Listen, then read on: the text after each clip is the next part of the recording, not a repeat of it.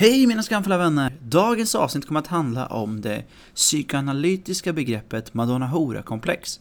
Jag fick höra talas om detta för några veckor sedan och blev helt fascinerad och kände att detta måste lyftas upp, då jag tror att mörkertalet är väldigt stort. Till min hjälp så har jag bjudit in Felicia som i avsnittet delar med sig av sina egna erfarenheter av att ha varit tillsammans med en man som med största sannolikhet led av just detta. Veckans spaning i slutet av programmet kommer att handla om att det snart är möjligt att radera sitt ex på Facebook utan att hen märker av det. Bra va? Nu rullar vi avsnitt 25. Varsågoda.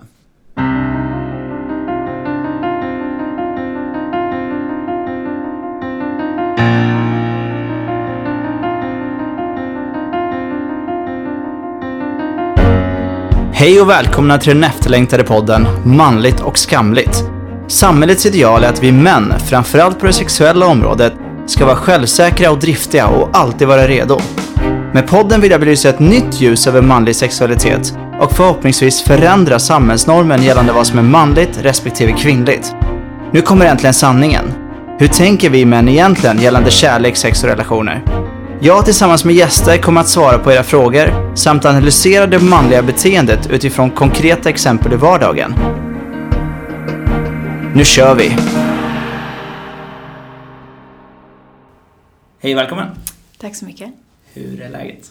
Det är bra, det är varmt. Ja, det är jättevarmt idag. Det, ja, jag går med typ Ja, höstjacka. jacka, ja. vet inte varför. Är du frusen av det eller? Ja, så det blir lite, men ja, lite extra svett skadar inte. Eller, nej det är sant. Eller, nej det gör det inte. jag blev bara såhär, va? Menar du? Jag var tvungen att analysera det en sekund. Men eh, är du, är du såhär typ nojig över vädret? Som är typ att det kan regna när som helst? Ja, fast jag gillar ju regn. Mm. Jag är sån som typ när det regnar blir jätteglad och kan Mm. gå en promenad. Mm. Ehm, men jag vet inte, jag tror det är en vanlig sak att man alltid har med sig eh, en extra tröja Jacka, eller ja, jacka. precis. för man vet aldrig vad som Absolut. händer. Och det är så jobbigt. Det är, en, det är, ja, men det är ändå bra. Det är bra väder. Det är bra sätter väder, jag klagar inte. Jag var faktiskt på eh, någon tillställning här i helgen och då var det någon som så här, mitt i konversationen så bara, vet ni vad? Jag är så jävla trött på det här snacket om vädret alltså. Alla blev såhär bara, okej. Så, så här dålig stämning. För att det var liksom så här, ja vi har tur i alla fall idag och vi har bra väder. Så så här, han bara, nu är jag så här trött på det här med vädret. Alltså kan ni bara släppa det? Kan man prata om någonting annat än väder? Fast kan vi det då? Nej, vi kan inte det. Inte när vi inte känner varandra. Nej, Nej. Fast jag hoppas vi kommer kunna prata om någonting annat än ja, det tror jag. Har massa. Ja, precis. Eh, idag ska vi prata, eller vem är, vad heter du förresten? Ja, ja. Eh, Felicia Marginano heter jag. Precis. Eh, hur gammal är du? Jag är 23 år. 23 Ung. Ung, eh, exakt. Varför säger man så egentligen? Det är bra Jag vet inte. Fast vet du, jag brukar faktiskt säga så här när, när man frågar om min Mm. ålder. Eh, ibland är jag 55, ibland är jag 12, ibland Sant. är jag 3. Mm. Men på passet är jag 23. Sant. Bra, Eh, bra svar. Ja, för jag gillar inte att definiera mig Nej. i en ålder. Nej, det är sant. eh. Vi gör det ganska ofta. Mm. Mm. Och för, om man säger ibland är jag 55 och då får man ju en bild av vad innebär det. mm. Fast egentligen så kan det betyda vad som helst. Mm. Jag kommer prata om ålder i ett eh, framtida avsnitt. Om Ah. åldersskillnader och liknande och varför, hur man ser på relationer. Jag fick ett tips på, via en diskussion på Instagram, så det var jättebra. Eh, Så det kommer längre fram. Eh, Det är svinbra. Jag tror också att ålder är bara någonting som man har det lärt är sig. som med allt annat som Ja. man definierar folk med. Mm, Ursprung, ålder, bakgrund, eh, utseende liksom. absolut. Så. För allt är ju, även tiden och allt, allt är ju liksom skapat. Mm. Det är ju någon som har kommit på att vi ska räkna så här. Det är någon som har kommit på att liksom, det är 60 minuter på en timme. Ja, för skulle man leva Ja. annorlunda om man inte hade någon ålder och Exakt. bara var? Eller inte hade någon tid. Nu blir det filosofiskt ja, och ljud. Jag älskar filosofiska diskussioner. Men det, det kommer det bli ett helt avsnitt om vi bara ska prata om Vad tiden. spännande. Ja. Mm. Intressant. Men eh, vi börjar med en liten intervju av dig. Mm. Eh, och sen så går vi in på temat som idag kommer vara Madonna Hora-komplex. Och du är hitbjuden för att du har lite egna erfarenheter av det, Mm. tänkte jag. Så du kommer få berätta din story lite senare. Mm. Mm. Men eh, berätta lite om dig själv. Ja, ehm, det är alltid så här, hmm, Mm, ska jag man vet. börja? Den är så svår. Men, Nästan, ja. för ofta så säger man ålder, ja men jag gör det här, jag Ja. jobbar, jag bor där. Men jag ska försöka vända lite på det. Gärna. Eh, jag är en eh, person som ehm, älskar att eh, utmana mig själv. Utmana eh, samhällets normer, eh, mina egna föreställningar om vad jag kan och inte kan göra. Mm. Och det har jag gjort eh, på lite olika sätt, bland annat startat företag som väldigt ung, Mm. eh, driver eh, ett väldigt framgångsrikt projekt för unga tjejer som heter OSNAP Sweden. Mm. Jag har ja, men jag har helt enkelt så använt mig själv som en kraft att förändra. Grymt. Eh, och så har det ju inte alltid varit. Nej. Men eh, jag insåg lite mer vem jag var när jag var 17. Mm. Ehm, Det är ändå väldigt tidigt för att... Ja, eller börja liksom Ja. känna av lite och stanna upp och inte bara gå på Mm. hela det här um, hur, vad, vad andra säger att jag ska Mm. göra och inte ska göra. Mm. Eh, jag kommer ihåg att jag tog ett sabbatsår från gymnasiet för att eh, fota och starta mitt företag som frilansfotograf. Mhm. Men just det året så hade vi ett val i Sverige, det var 2010, det är snart sju år sedan. Ja men sex år sedan nu i alla fall. Ehm, och då lyckades jag samla 10 000 personer på Sergels torg. Mm. Så jävla häftigt. eh, Ja. Via Facebook efter att Sverigedemokraterna kom in i riksdagen. Ja, Så att där så slog det mig liksom vilken kraft jag har. verkligen. Eh, och vad kan jag använda mig utav den? Mm. Så att det är det jag har gjort de senaste sex åren och eh, det har gett mig många stora utmaningar både som liksom individ Mm. men också som en, eh, en, en del av allt i samhället. Mm. Eh, en del av alla. Grymt. Så att, ja, för att inte svara så tråkigt liksom, jag, gör, jag är det här, jag gör det här. Eh, eh, Nej, men jag tyckte att det var ett jättebra svar. Ja. Som målade upp en ganska bra bild av vem du är och lite liksom kärnan i dig, Mm. skulle jag vilja säga. För det, då försvann den här ytan som många använder sig av och så går Ja. man in mer på djupet och liksom så. Så jag tyckte att det var ett jättebra svar. Eh, ja, nu, jag försöker tänka att jag ska komma hit och vara lite mer öppen Mm. och inte vara den här formella som man kanske är ibland. Perfekt. För att de här, det vi ändå kommer samtala om och de frågorna och så det som du också lyfter Mm. upp krävs att man är Exakt. öppen och Exakt. ärlig.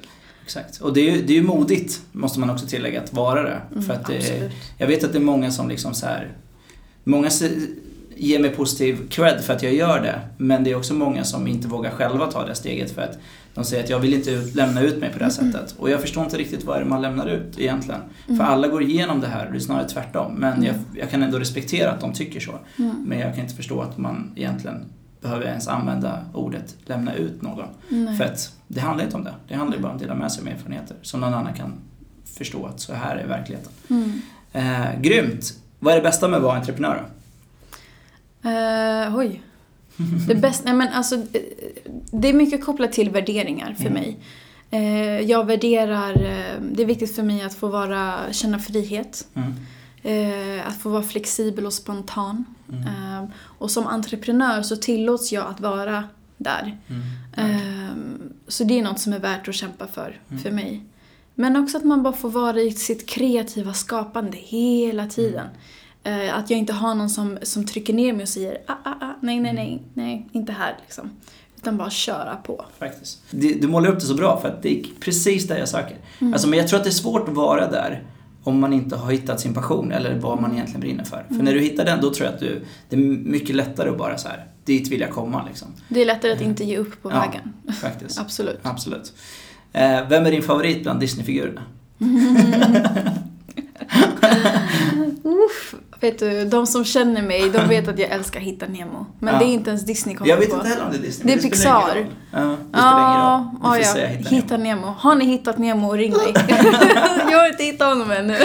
Det, nu går jag in också i en så analytisk fas i huvudet. Så här. Vad symboliserar Nemo för, Nemo för dig? Ja, jag behöver inte gå in på det, men det är ändå väldigt så här. Jag fick direkt en indikation på vart. Ja. Eh, Men du jobbar också en hel del, som du sa, med sociala medier och sociala strategier och så Mm. eftersom du lyckades få ihop 10 000 människor till Sergels torg, vilket är häftigt. Det är fantastiskt, liksom, om jag ska vara helt ärlig. Mm. Eh, Om du skulle ge ett tips till mig, vad skulle jag göra annorlunda? Eller vad har du för tips helt enkelt? Mm, när man jobbar med, alltså oavsett vad man jobbar med, det är ju kommunikation. Mm. Det som du gör också. Du vill Mm. kommunicera ett budskap, du vill få folk att lyssna och engagera sig. Eh, jag skulle säga att det viktiga att börja, det är ju lite som du redan var inne på också, att så här, vara ärlig Mm. och hitta sin passion. Och Mm. när man har gjort det, börja ta de här strategiska stegen. Mm. Målgrupp, vem är målgruppen? Liksom? Mm. Vilka är det egentligen som du vill ska lyssna? Mm. Eh, vart finns de? Hur når man ut till dem?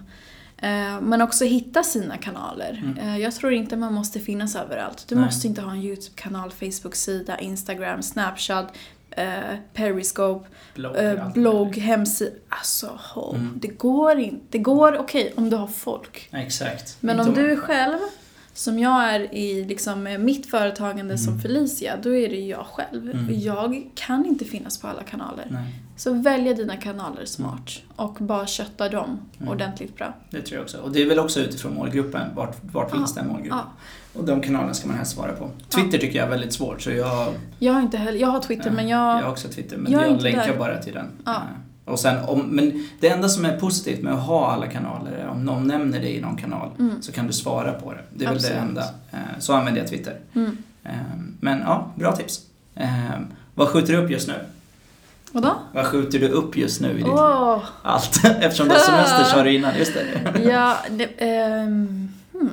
Jag tror inte att, jag skjuter inte upp något. Jag väljer bara att prioritera annorlunda just Mm. nu. Eh, jag väljer att prioritera, som jag sa till dig innan eh, vi började eh, spela in, att jag tar verkligen en dag i taget. Mm. Stannar upp, lyssnar på morgonen. Okej, vad vill jag göra idag? Ja, men jag vill sova. Ja, men sov. Mm. Sov hur mycket som du vill. Och sen när du vaknar, vad vill du göra då? Mm. Ja, men gå och träna. Gå och träna. Mm. Eller jag vill kolla på Hitta Nemo. Kolla på Hitta Nemo. Eller jag vill sätta mig och jobba. Sätt dig och jobba. Faktiskt. Så att jag är väldigt mycket där nu. Så att prioritera, att inte pre prestera Mm. eh, varje dag. Jag sover jättemycket, jätteskönt. Mm. Kan rekommendera. Jättebra. Men du har ju säkert jobbat stenhårt hela året så du Ja. måste väl vila ut lite också. Ja. Så det är jättebra. Annars tror jag att man kan bli slutkörd. ja. Ehm, om du skulle vinna en massa pengar, hur skulle du investera pengarna? Hur mycket vinner jag? Hur mycket vill du vinna? Hur mycket vill du ge mig? Jag kan ge dig fem miljoner. Fem miljoner. Jag hade absolut gett eh, lite till min familj. Mm. Mamma, pappa, eh, mormor också. Sen hade jag gjort, se till att alla kan åka på en semester någonstans. Mm. Eh, sen tror Vilka är jag... alla? Alltså inte alla? familjen. Ja, alla, hela Alla världen. Nu åker vi! Pengarna tog slut. Ja, det tog slut ganska fort tror jag.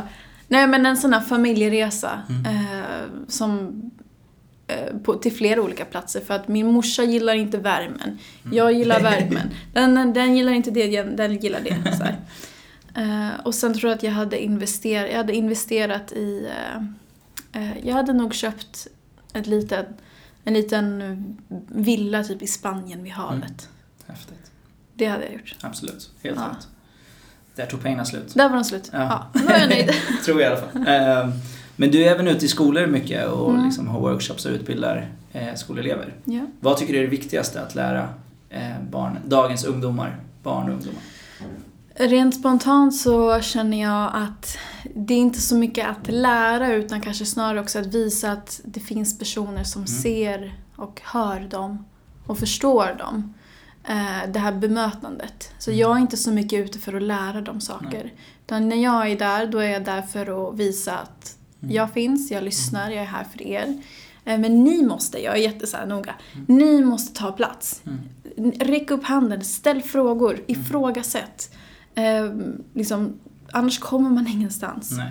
Så att jag är mer så, jag har inte så mycket kunskaps... Eh, Precis. eh, Du håller i agendan kan man säga, eller Ja, projektledarrollen. sen så sker ju så måste- kunskapen ja, emellan Mm. eh, mötet och dialogerna. Absolut.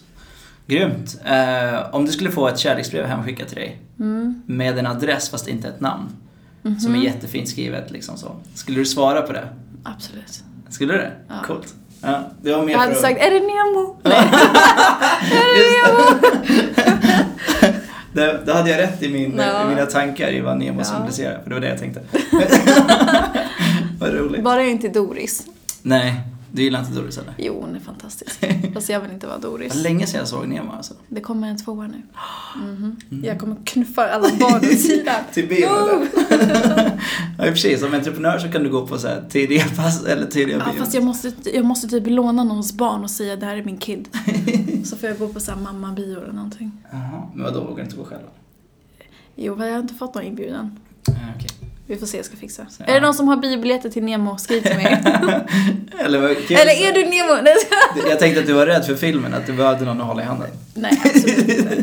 Det kan vara läskigt, du vet, sådana här barnfilmer. Inte alltid så att det... Det finns ju en haj med där. Mm. Han är läskig. Mm. Fast han är snäll. Han pratar skånska tror jag.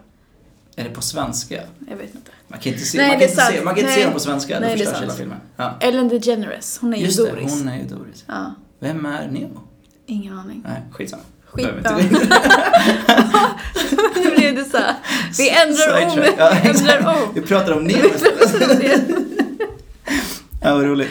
Men eh, du pratade om det i början och sen ser jag att du har en tatuering som det står Oh Snap. Ja. Ehm, det Som är jag ju- faktiskt håller på att ta bort. Ah, För att han gjorde den fel. aha, Så okej. det, nu, men Ja, ja. du ska göra om den sen? Nej, eller? Nej, du ska bara ta bort. Ja. Nu står det Snap. Åsna. Åsna! Ja, det är sant. Det står Åsna. Och sen ett jag utropstecken. Och ett utropstecken. Åsna! Ja, gud vad kul. Ja, vad roligt. Kan du lägga upp en bild på den så Det jag måste jag här göra, Felicias Åsnap. Det måste jag absolut göra. Ja. Men det är ett bra projekt. Det är ett fantastiskt Det är inget projekt. åsneprojekt som de säger du. Nej, det är det inte. Och vad jag ska säga, jag älskar namnet. Ja. Eh, första gången vi träffades så sa jag ju bara klockrent namn. Eh, just för att eh, vad det handlar om. Berätta om Mm. det. Vad är det för Ja, uh, OSNAP Sweden Mm. eh, är en eh, fotoverksamhet för unga tjejer, eller de som definierar sig som tjej, Mm. i åldern 12 till 21, där de gratis kan få en fotoutbildning. Men där vi mer liksom jobbar med kameran som verktyg för att stärka sig själv, Mm. för att förstå samhället lite mer. Och vi pratar väldigt mycket om normkritik, stereotypa könsroller, maktstrukturer, Mm. eh, skönhetsideal, värderingar. Eh, men just koppla det till något kreativt och skapande. Mm. Ehm, och hittills har vi utbildat över 50 tjejer i. Stockholm. Mm. Eh, till hösten kommer vi utbilda minst 30 till. Mm. Så vi ökar ju från, vi har varit aktiva i två år. Eh, de första två åren utbildar vi 20 tjejer. Mm. Så på bara ett år har vi ökat med, vad blir det, 40-50 tjejer. Coolt. Det är ju svinbra. Ja. Ehm, men eh, jag ställde frågan till dig för när vi sågs också, men jag måste ställa den här också. Mm. Hur kommer det sig att det bara är tjejer? Ja, eh, dels så behöver många tjejer den här plattformen som Mm. är lite prestigelös. Mm. Eh, att man inte kommer dit, man, alltså, man kommer dit av sin egen anledning men man, man ska inte känna att man kommer dit för att typ bli proffsfotograf och leverera och bli bäst i klassen liksom Nej. så, om man inte vill.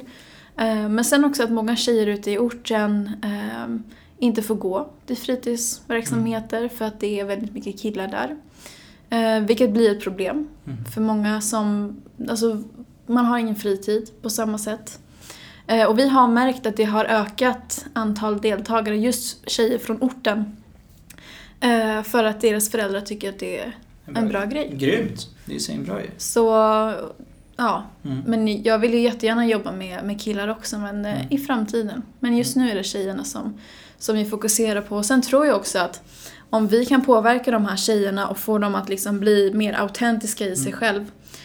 De i sin tur kommer ju påverka sina, sin pappa, Mm. sina bröder, Mm, sina absolut. vänner, sina framtida söner, sin Mm. partner.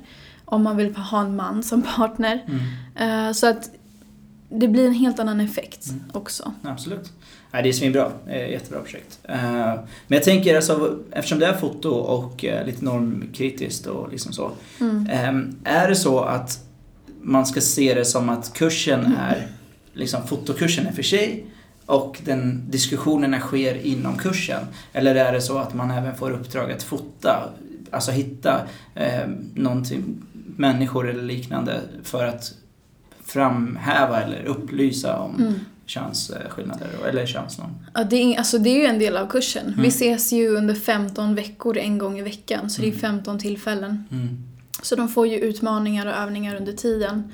Eh, och sen så har vi en fotoagentur där vi också öppnar upp arbetsmarknaden för de här unga talangerna. Mm. Eh, fotograferna, eh, där de kan få uppdrag inom eh, just kanske norm, normkritik normkritisk porträttering av ett Mm. företag till exempel. Liksom. Coolt. Så vi jobbar med det på olika sätt men det är, det är absolut en del av kursen. Mm. Jag kollade ju såklart hemsidan osnapsweden.se va? Eller Nej, .com. .com, .com. Eh, och jag såg några av fotograferna där. Fantastiska bilder måste jag Mm. faktiskt säga. Ja, de det är väldigt proffsigt. Eh, så kolla in den, Mm. eh, är mitt tips. Sen så gjorde du någonting i år som du har drömt om. Ja, just det. Länge. Ja. Jag såg att den har kommit ut nu. Ja. Du, hade, du var med TED Talk, eller? TEDx. TEDx, ja just det, Mm. så heter det. Mm. Hur var det?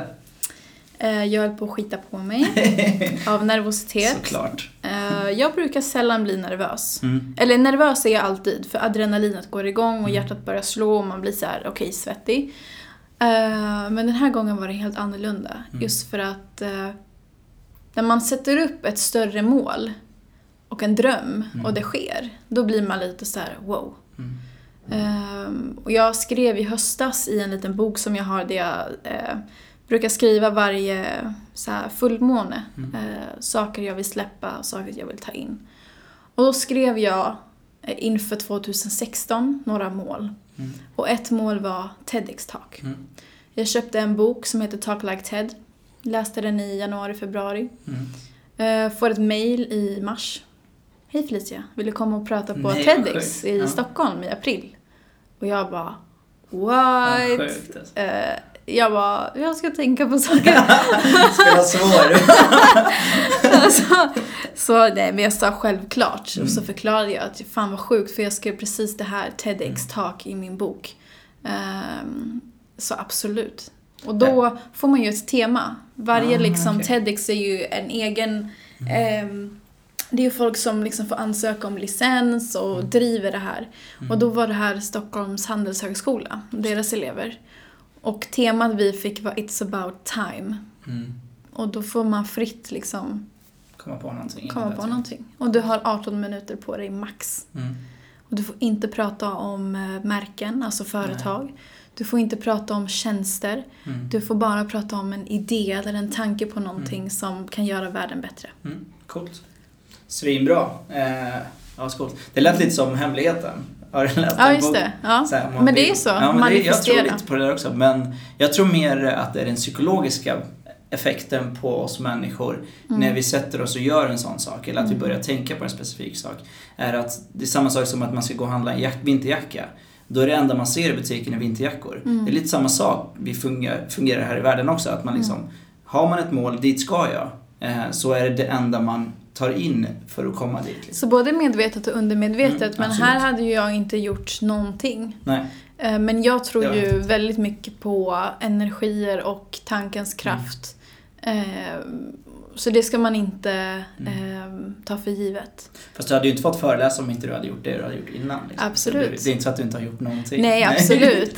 Eh, Det var bara så häftigt att det Ja. synkade. Faktiskt, ascoolt. Mm. Grymt. Jag ska checka in det, jag har inte hunnit där. Ja. Jag såg att den var på din blogg bland annat. Ja. Ehm, så jag ska kolla. Eh, då går vi över till temat då. Mm.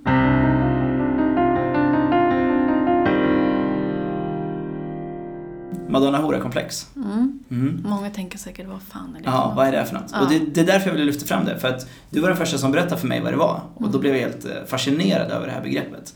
Och det var så häftigt. Eh, Så jag var tvungen att läsa på och grejer. Så att det Mm. var, det, men som sagt, vi, vi pratade lite innan. Det finns inte så mycket skrivet om det. Framförallt inte i Sverige. Eh, Man kan hitta några saker via nätet i USA och liknande. Men det är väldigt så här hush hush tror jag om Mm. det här. Eh, vad, vad betyder det? Ska vi hjälpas åt att definiera? Ja, de, definiera du så Ja. hoppar jag in. Eh, enligt då de källor jag har hittat så är det att det syftar på att vissa män, men nu läste vi in lite innan och då är det också även kvinnor, men främst män då, som har svårt att se sin partner eller den personen de älskar i en sexuell akt för att då blir den personen smutsig i deras tankeverksamhet eller deras värld. Mm. Men också en motsatt också att man inte kan se den man är sexuellt attraherad av som en framtida partner eller framtida fru till ens barn. Eh, I stora drag är väl det som är konceptet. Mm. Och det var Sigmund Freud som först kom på det här att eh, det finns en, en sån liksom, aspekt i det. Att vissa män bara kan se kvinnor på antingen eller. Liksom antingen så är man madonnan som man vill visa upp och vara den man vill leva med resten av livet. Eller Mm. så är alla andra horor som Mm. man ligger med. Mm. Och det grundar sig mycket i relationen till sin egen mamma. Ja, precis. Det är där jag tycker det blir Ja, intressant. det blir helt intressant faktiskt. Eh, och då tänker man ju spontant på Mamis boy. Alltså ju mer, ju starkare relation du har till din mamma, desto större chans, eller till, inte hur jag ska uttrycka det, större liksom att det kan, du kan lida av det här. Fast det är också så här, det är, det är så skevt. Det är, det är sånt, det är sånt, ja, det är sån, jag vill bara liksom så här ta reda på vad, vad, varför. Mm. Ja, jag önskar jag kunde svara på det. Ja, varför? nej.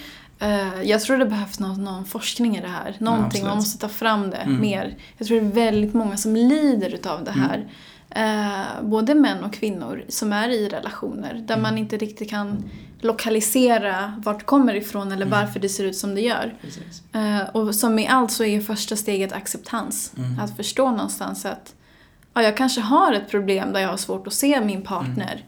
Eh, som en sexuell being. Alltså Mm. som en varelse som har Precis. sexuella behov Mm. och som samtidigt kan vara förälder till mina Mm. barn eller whatever. Ehm, För det, för det man, alltså det männen vill då, eller de som tänker eller har det här, är ju att liksom kvinnan som de älskar ska vara ren. mm, mm, Och, och det är liksom så här. Det mest naturliga av allt är ju egentligen att ha sex. för det är ju biologiskt sett väldigt, det är så man befruktar varandra. Det är liksom det, men det är väl det här, alltså, för att det är inte så att män i sådana relationer aldrig har sex. För Nej. de vill ju ha sex för att få barn. mm. Men mer än så ska det inte vara, för att det är det som är allt runt omkring som blir smutsigt, eller vad man ska kalla det. Och det kan ju, mycket kan ju också grunda sig i pornografi. Absolut. Eh, Absolut. hur man ser på kvinnan i sex. Mm. Eh, hur man ska ha sex. Mm. Eh, och återigen det här hur kvinnan är en sexuell varelse. Mm. Ehm, eh, men sen också just att det är kopplat mycket till relationen till ens mamma. Mm. Det är också så intressant. Tyvärr så har jag ju ingen forskning i det här. Eh, bara erfarenhet. Men du kan ju berätta lite, du, du har ju egen erfarenhet som du säger. Eh, Mm. Så du kan ju berätta lite om eh, vad, hur det var för dig. Liksom. Mm.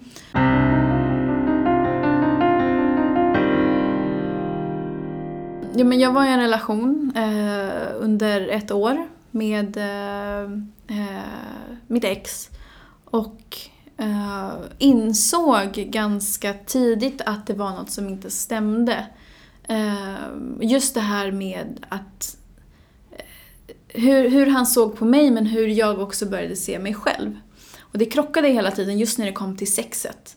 Eller att han inte var sexuellt attraherad av mig. Mm. Ehm, men det var så konstigt för att ändå så visade han upp mig utåt till familj och vänner och, och ville gifta sig med mig och skaffa barn med mig och jag ville ju likadant liksom, det var ju allt jag ville.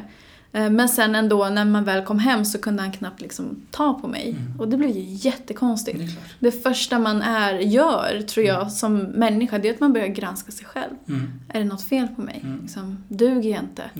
Eh, och just att jag som jobbar med det jag gör, som eh, jobbar med de här frågorna och ska stärka unga tjejer och så det bara, hela min värld bara rasade samman för att där stod jag och kunde inte ens se mig själv i spegeln utan att gråta. Eh, och det här höll ju på liksom fram och tillbaka och eh, jag kommer ihåg att jag började gå till en psykolog för att få svar för att jag var villig att liksom Mm. Under tiden ni var under tiden. Eh, och sa också det att eh, jag tror att du har ett problem Mm. med det här. Eh, och jag har läst på och jag har fått till mig från en psykolog då att det finns något som heter madonna hora komplex Och jag var helt så här: du måste läsa det liksom. Det, det, det kan vara det här som är problem och lösningen. Mm. Eh, men som med allt så måste man själv acceptera. Absolut. Så att eh, det gick inte så bra med det. Så vi gick helt separata håll. Men just det här att det var så skevt att ena sekunden bli sedd som mamman till hans framtida barn och Mm. framtida fru Mm. till att som sagt inte ens bli tagen på Mm. eh, och känna sig som världens typ äckligaste kvinna Mm. eh, som inte får sin man att känna sig attraherad av en. Ehm, och det var jättesvårt att ta mig ur det tankemönstret. Ibla- idag har jag inte det, de tankarna men jag kan förstå hur, och hur otroligt svårt det är både som mannen Mm. i den situationen Mm. och som kvinnan. Men där måste man möta varandra Absolut. om man vill att det ska funka. Mm. Eh, och då tror jag absolut att ett av de stegen är terapi. Mm. För att det grundar sig så långt tillbaka, som sagt, barndomen, relationen till mamma, Mm. pornografi. Alltså det sitter ju så djupt. Mm. Eh, Stereotypa könsroller, stereotypa skönhetsideal, alltså Absolut. jättemycket. Ehm, Men också som kvinna eller man, om man blir utsatt som partner, att det är inget fel på en själv. Nej. Aldrig. Men det är det, och det, det jag tänker spontant är att det blir svårt att liksom vart, som vi pratade om så lite, vart går gränsen mellan att vara i en relation som håller på att liksom där attraktionen håller på att försvinna jämfört med att man har den här, den här problematiken av att ha Madonna Hora-komplex. Eh, I ditt fall tycker jag att det är ganska tydligt så att det var det. Sen kanske han förnekar det, men det, och nu är det ju bara utifrån vad vi har läst också, jag är inte någon psykolog. Men, Nej. men för att det, det skeva i det är att man verkligen älskar den personen. Alltså det är ju verkligen så att, du vet, han älskar ju verkligen dig. Det är inte där det handlar om. Nej. Utan det finns ju där. För i det andra exemplet är ju att känslorna börjar svalna i en vanlig relation där man försöker, alltså, ligger mindre om man ska säga så. Mm. Så att det är det som är så svårt. Det blir ännu svårare för att du vet att det, det känns äkta. Mm. Men det, det är bara den biten som inte finns i den relationen. På Ja. något sätt. Det är klart att det blir självdestruktivt, att man går till sig själv. Det hade ju vem som helst gjort. Liksom.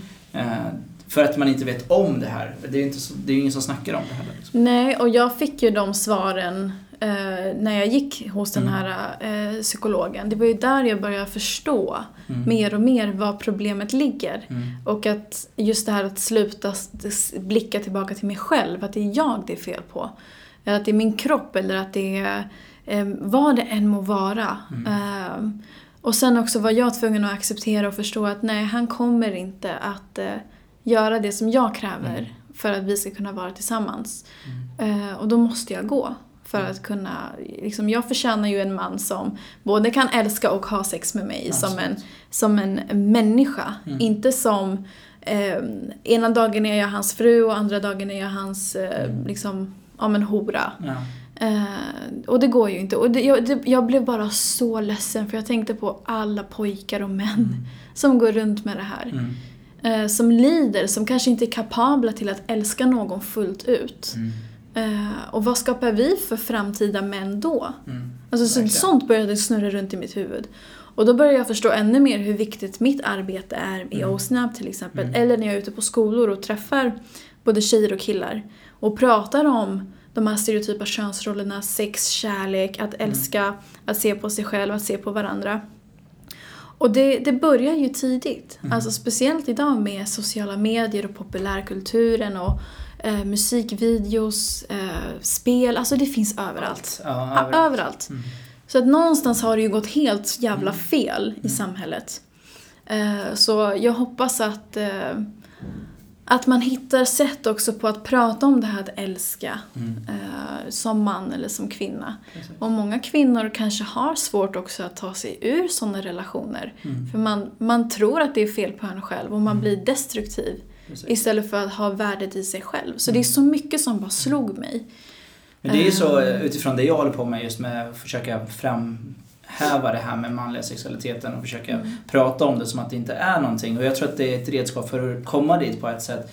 Men det är, därför det är så intressant för att den, den generella bilden av en relation är ju att man är tillsammans med någon och man har sex med den och man har trevligt och man får familj och så Mm, vidare. mm. Men frågan är om det är den generella bilden idag eller om det är så att det är kvinnans bild av en relation Mm. utifrån romantiska filmer och liknande. För, då, för ni blir ju eh, liksom bombarderade med andra intryck Absolut. om att eh, det ska slå gnistor och fjärilar hit och dit och det ska komma duvor som liksom med ringarna och jag vet inte vad det är i de här filmerna. Men det är liksom så här, det är motsatta sidan medan Mm. vi så här, det ska vara pang på rödbetan sen så ska man dra och om man är för länge så kan det bli känslor och det blir jobbigt och så vidare. Mm. Så att det är två motsatta poler som ska liksom mötas någonstans och skapa Ja. en hälsosam relation. Mm. är ju väldigt svårt på något sätt. Eh, Men jag vet inte om jag ändå säger, jag måste ändå så här gå till mig själv och fundera typ, är det verkligen mer vanligt än inte vanligt? Det tror jag inte. Än. Men det kan komma att bli så om det fortsätter den här trenden. Det är det här som är så intressant tycker jag. Ja, och den här personen var ju från, han var 70-talist. Mm. Eh, och väldigt mycket porr Mm. kom ju på den, alltså liksom, om man kollar i generationer så är det ju, man, det formas ju i olika, på olika sätt. Absolut. Så liksom vår generation eller 80-90, liksom, Mm. vad är det som vi har sett Mm. som formar oss? Mm. Så det kommer ju nytt hela tiden men jag ser ju ingen trend riktigt att det bryter. Nej. Eh, Glappet blir ju större och större. Precis. Och så kommer sådana saker som Tinder och Mm. vi har liksom möjligheter hela tiden att byta och ändra Mm. och liksom den här valmöjligheten som Mm. också gör det svårt att kanske grunda sig och kanske också våga tro på att det, ja, men man kan faktiskt ha en relation Mm. där man bygger upp något under en längre tid. Alltså, Mm. vad har vi för skev bild också av Mm. eh, relationer och dejtande idag? Mm. Som också gör att man kanske inte känner sig tillräcklig. Eller Exakt. blir utnyttjad. Absolut. Eh, Eh, för vi pratade för något avsnitt, eller två, två avsnitt sen tror jag det blir. Eh, då pratade vi om äktenskap och vi just analyserade den här biten och då ställde vi oss frågan om det kanske är tvärtom. Mm. Att framtiden kanske blir så att vi inte har relationer, Mm. traditionella relationer. Ja. Utan då blir det mer det här att den personen ligger jag med, den personen älskar jag, den personen bla bla bla. Och då är det inget problem så. Men vi är inte där än och vi kommer inte vara där om hundra år. Men att det är på väg dit kanske. Och det är, det är sjukt för att vi kan inte ta det till oss för att vi är så vana i alla fall kulturellt också att Mm. det ska vara så liksom. Ja, och det är det som blir intressant att också stanna upp och fråga sig själv. Så här, Mm. nej men, vad, ja, men vad värderar jag? Vad är Mm. viktigt för mig? Hur vill jag leva mitt liv? Jag går ju runt och tänker också så här, ja men gud, vad då? Måste jag ha en man eh, i mitt liv? Mm. Nej, jag måste inte. Men jag vill. Mm. Och när jag vill, hur vill jag ha mitt liv då? Mm. Eh, vill jag verkligen bo tillsammans med den personen och ha barn? Alltså så här, och bara, men gud, vad händer med mitt liv då? Eh, eller att eh, min mamma brukar säga så här, ah, men tänk om ens själsfrände är ens barn eller ens vänner. Jag bara, och mer och mer, ja Mm. men varför ser man inte det så? Mm. Eller en själv. Faktiskt. Att man ständigt är på sökande efter någon annans kärlek. Och någon som ska komplettera dig. Ja. För det är också det. Och det är också, det går ju inte heller ihop för att vi blir mer och mer individualister allihopa och vi blir Mm. mer egensökande och vi hittar svar på frågor och så vidare. Mm. Eftersom det blir ett jäm, mer jämlikt eh, eller jämställt för, det, samhälle överlag. Mm. Vi är inte där än riktigt så att det är helt jämställt. Men att vi, på vägen dit så blir det ju så här att då behöver man inte varandra i slutändan. Mm. För att man löser det själv. Mm. Och, och egentiden som du pratade om, liksom, men jag vill ha egen lägenhet, det är ju soft liksom. Varför ska jag dela med någon? Det är bara jobbigt. Och så börjar man irritera sig på varandra istället. Det är jättemånga som bor särbos istället för sambos. Liksom. Fast man har en hälsosam relation. Ja, det är väldigt intressant. Ja, men det är ju en illusion som du sa. Allt har ju skapat Mm. av någon. Mm. eh, när vi pratar om ålder. Liksom, för att eh, samhället ska funka med Mm. strukturer och, Mm. och allt. Men att ändå kunna... Jag, jag tror att... eh, Nu har vi bara pratat man och Mm. kvinna. Det Mm. finns ju allt däremellan. Men jag som, som definierar mig som kvinna, hur mycket viktigare det blir för mig Mm. att våga vara i min så feminina energi och kraft. Mm. Eh, också. Absolut. Eh, för att där kunna möta min maskulina kraft i någon annan. Mm. Eh, det är lite mer det som jag känner Mm. jag söker mer. Det är mer så på ett själ, Mm. själsligt plan. Mm. Allt det här materiella och fysiska, Mm. men det kan jag fixa. Faktiskt. Så det blir någonting helt annat man söker i en partner. Mm. Tror jag, mer och mer. Ehm, Precis, och det är där. Och hur sätter man ord på den känslan? För det, för, eller det blir ju så här. Det känns rätt, Mm. blir det i slutändan. mm, Eh, Man kan ju känna den efter kanske en månad, man kan känna den efter ett halvår, man kan känna efter ett år. Mm. Man kan känna efter en vecka, vissa människor gör det. Mm. Då bara så här, men det känns bra. Och det är det här som är så intressant för att du kan inte veta att den personen kompletterar dig efter så kort tid. Nej. Utan det är bara känslan av att det, det, det passar liksom. mm. Och det som jag tror att det är, det är liksom att man på något sätt får en reflektion av sig själv. Fast på, men, men en liten del av den personen är annorlunda. Mm. Så du behöver få reflektionen av dig själv i den andra personen. Annars kommer du, inte- kommer du inte känna den känslan. För det är så är alla, det är samma sak som att få eh, så här, komplimanger. Mm. Då blir man glad, då blir man liksom, man tar det till sig. De flesta av oss, vissa har svårt att ta komplimanger. Så bara, ja. Eh, exakt. Men det, det är väldigt intressant faktiskt, just den, den delen av det. Jag hade, jag hade en killkompis Mm. Eh, eller kompis, ja, en kille som berättade en gång så här. Jag, jag, jag vet inte om det ingår den här, hamnar i den här kategorin Madonna Hora-komplex. Men det var, det kom till mig när du pratade om det. Mm. Och då var det så här, han hade snackat med en tjej i så här, tre månader ungefär. Liksom chattat fram och tillbaka, pratat telefon och sådär. De, de hade byggt en connection. Hon bodde utomlands eh, för det, just då. Så att det, det gjorde det svårare att träffas. Mm. Eh, sen hade de typ, ja men säg tre, fyra månader sådär. Sen så bestämde han sig för att, eller de bestämde tillsammans att han åker dit och hälsar på. Mm. Eh, för att de ska få umgås och lära känna varandra på riktigt.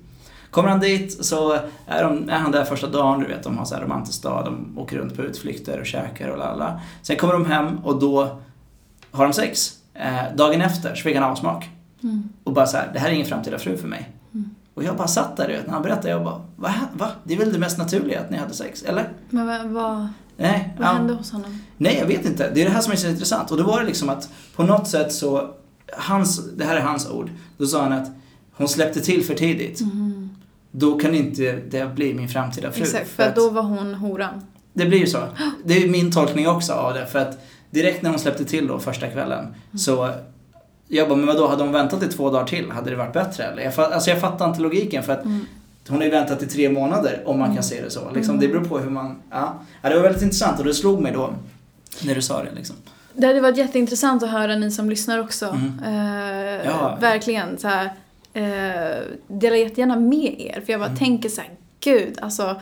Så mycket som man har snackat med sina tjejkompisar och killkompisar. Eller relationer man har sett. Och, eller så här, äktenskap och barn och allt det här. Mm. Eh, vad är det fan som händer alltså? Jag vet inte. Vad är det som händer? Och den, det viktigaste är ju reflektionen Mm. över. Mm. Det var det som gjorde mig galen också. Ja, men jag vet inte. Mm. Men varför känner du så här? Jag vet inte. Nej. Kan du lokalisera? Vad är det du tänker? Ja. Vad- vill ju ha svar. Ja, så här, Mm. men bara för att verkligen grunda det någonstans. Ehm, för att det är inte heller definitionen av den du är. Nej. Alltså, nej men alltså du är ju inte definitionen av, eh, om vi ska säga madonna-hora. Det är ju inte den du är. Eh, inte som tjej och inte som kille. Mm. Ehm, men just att man inte vet. Man bara kör på. Mm. Man bara fortsätter och fortsätter i samma mönster. Mm.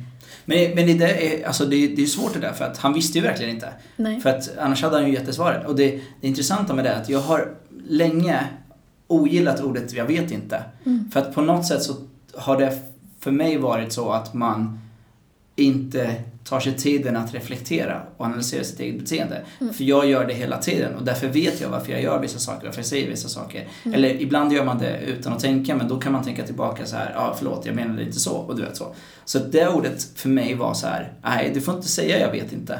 Men nu när man har liksom reflekterat lite så, ibland så vet man faktiskt inte. Nej. Det kan vara så i relationer att typ, även om man eh, klickar med någon och sen så ska man ta det till nästa steg och det känns inte som att det är rätt väg att gå. Så kan man ibland bara säga, alltså det känns bara så, jag vet inte. Mm, absolut. Eh, och så. Men ofta så hittar man ju svaren om typ tre månader senare, om man går tillbaka till den situationen. Förhoppningsvis. Alltså det är ju ett sätt. Jag tror att ehm, det var ju, jag, jag var ju tvungen, jag kan ju bara prata Mm. för mig själv, men Mm. jag var ju tvungen utifrån den situationen och hela, eh, hela händelsen att stanna upp. Mm. Och då fick jag en ny chans att granska mig själv. Mm. Men varför ses, varför ses jag på det här sättet? Mm. Eh, är det någonting jag gör som kan bidra till att det triggar igång någonting? Och också jobba med att inte ta åt mig så mycket som jag gjorde. För jag trodde att jag var liksom, jag är stark. Mm.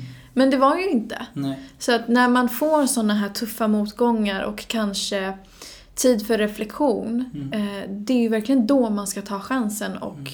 och stanna upp och lyssna och börja känna efter lite.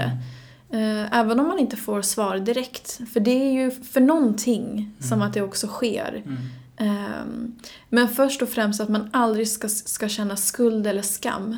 För att man, han kanske tänkte som han tänkte. Precis. Att inte gå in i någon typ av skuldkänslor. Mm.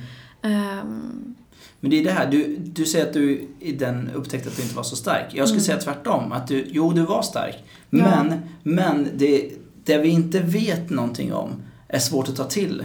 Liksom, ta, ta det till oss. Det är svårt att liksom veta att eh, ja, nu mår jag så här på grund av det här. mm. Utan man kan vara stark fast vi är ju människor och vi människor kategoriserar saker och ting. Vi vill liksom sätta saker i fack. Och när du frågar honom, men du måste veta varför är det så här? Mm. Då säger han, jag vet inte. Då blir det ju såklart en frustration och du, du, kan, du får inte svaren på dina frågor. Vilket Nej. gör att du bryts ner. Så är det med allt liksom. Så det, det, men man blir svagare Mm. så i relationen på grund av att man jag, hade- jag tror alla, jag tror kanske 90% hade tänkt att det var ens eget fel Ja. i din situation. Ja.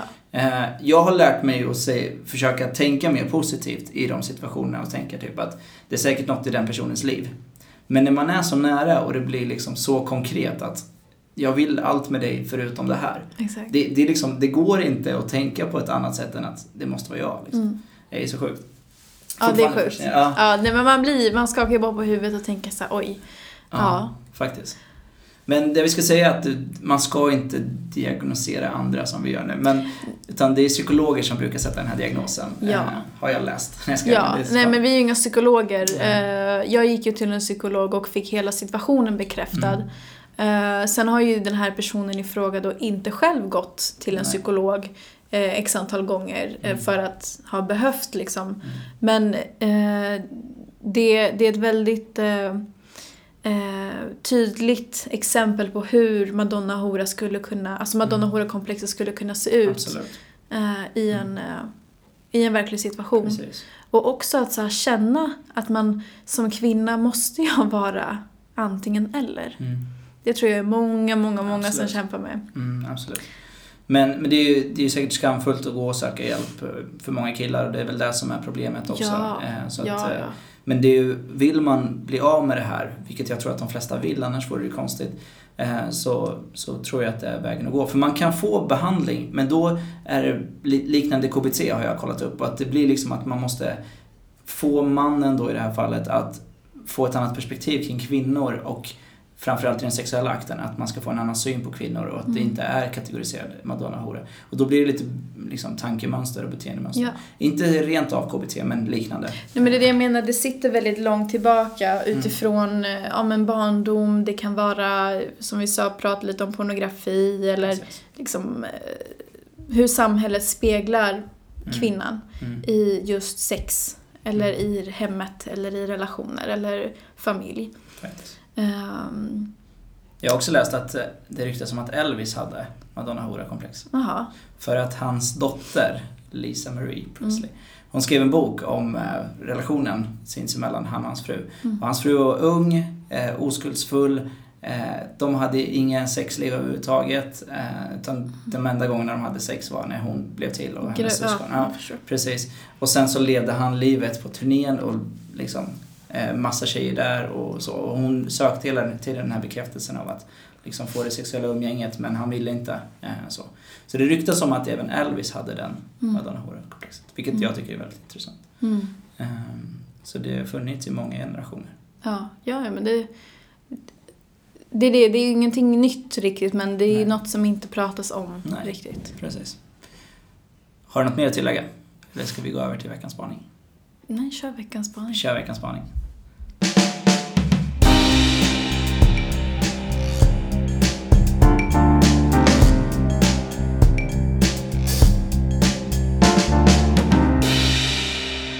Veckans spaning. Radera exet på Facebook utan att hen ser. Spännande va? Jag tänker att det kunde passa eftersom så här, Ja, vi lämnar det här bakom oss. Nu ska jag läsa lite och sen så ska vi tycka till Mm. vad, vi, vad vi tycker om det här. Du har precis brutit upp med din kärlek, men har inte hjärtat att blockera han på Facebook. Nu går problemet att lösa. Facebook har nämligen släppt ett sprillans nytt verktyg där du enkelt kan radera alla spår av ditt ex utan att det märks. Många av oss fläker ut stora delar av vårt liv på Facebook. Det kan handla om tjejmiddagar, partykvällar och förstås mysiga bilder tillsammans med vår respektive. Men vad händer egentligen när det tar slut? Det snabbaste sättet är förstås att blockera personen och helt gå vidare med ditt liv. Men alla vill kanske inte gå riktigt så hårt fram. Detta är något som Facebook snappat upp och testar just nu ett verktyg där kan du dölja ditt ex utan att hen märker. Så fort du ändrar din relationsstatus från i ett förhållande till singel är tanken att det nya verktyget ska dyka upp, vilket är något som användare eftersökt. Vad den gör då? Den dölja, dölja utan att eh, Bland annat kommer du kunna minimera risken att din ex-partners namn eller foto dyker upp i ditt flöde. Deras namn kommer inte dyka upp som förslag när någon har taggat fotot. Eh, dölja foto, video och statusuppdateringar för ditt ex. Eh, och sen avtagga statusar och foton där du syns tillsammans med ditt ex. Och verktyget testas i USA och Facebook kommer lyssna på feedbacken innan de går ut över, över hela världen. Intressant va? Like. Like, ja faktiskt. Like. Jävligt bra. Ja, men jag bara tänker på hela healingprocessen. Mm. Att eh, när man har gjort slut med någon, eh, att gå vidare. Mm. Och man går inte, alltså det, det eh, slöar ner processen om man får en, Mm. en hint där, en hint där, en bild där, en bild där, Absolut. ett minne där. Och det blir ju svårt. Mm. Jag tycker det är skitbra. Jag tycker också det är jättebra. Men det löser ju inte problemet att staka sitt ex. Det är det som är farliga tycker jag i det. För Mm. Alltså- blockerar man någon och tar bort någon, då kan man inte ens gå in på sidan. Här, kan- som jag förstår i alla fall, kan man gå in och se vad den gör. Men det kommer inte upp naturligt, Okej. tänker jag. Alltså jag tycker att man... Eh, eh, har man haft en relation med någon så ska man ta sig en liten snack och, och, och sätta agendan. Okej, Mm. nu är vi inte tillsammans längre. Eh, jag, och, och förklara. Jag kan inte ha dig på Facebook för att jag kommer inte kunna, det kommer vara svårt för mig. Jag kommer sitta och söka på ditt namn och jag kommer kolla på dina bilder. Så jag tar bort dig. Mm. Liksom att man ändå har haft den konversationen. Absolut. Att Sen våga man- säga det. Ja, det. För då behöver det inte bli så, sen kanske man sitter och kollar ändå men... Ja. Men våga säga det, för att det är, jag tror inte det är många som vågar säga just det du sa precis nu. Liksom. Det är för att jag ska staka eller jag ska kolla det, jag ska kolla det. Men det är ju sanningen, det är ju det. Ja. Och försöka komma dit, det är, det är ju skitbra om man kan. Men det är inte alltid så lätt. För, för där tycker jag inte, jag tycker att det är svårt med sanningen. Vi har pratat om ärlighet också tidigare avsnitt. Sanningen är svår, tycker jag i alla fall, när man ska säga någonting som sårar en annan person. Då tycker jag att det blir jobbigt. Men i det här fallet så blir det ju tvärtom. Utan man säger att det här kan inte jag ha för att jag kommer göra det här. Och det funkar inte för mig. Då är det ingenting med den andra personen. Nej. Snarare, snarare en komplimang. Ja, nej men säga alltså varför ska man ta hänsyn till den andra? Nej, helt rätt. Om man, det är ju, då är det ju fokus på en själv. Faktiskt. Läka och gå vidare. Exakt. Nej men bra. Vi tummen upp för blockera Ja, X kör på på. Facebook. Ja, det är svinbra. Men eh, det var veckans avsnitt. Tack för att du kunde komma. Tack så mycket. Du har precis lyssnat på Manligt och skamligt, en podcast av mig, Afram Gabro och stort tack till Jonathan som hjälpt mig med ljud och redigering. Om ni gillar det ni hör, skriv gärna en recension och klicka på knappen prenumerera. Följ mig på sociala medier, Facebook, Twitter och Instagram, att manligt och skamligt, där ni får ta del av mina tankar och reflektioner kring kärlek, sex och relationer, mina framtida projekt och mycket annat. Har ni frågor, önskar samarbeta, annonsera eller sponsra podden går ni in på www.manligtochskamligt.se och skriver ett mejl under fliken kontakt. Tack för att du tog dig tid att lyssna. Kärlek!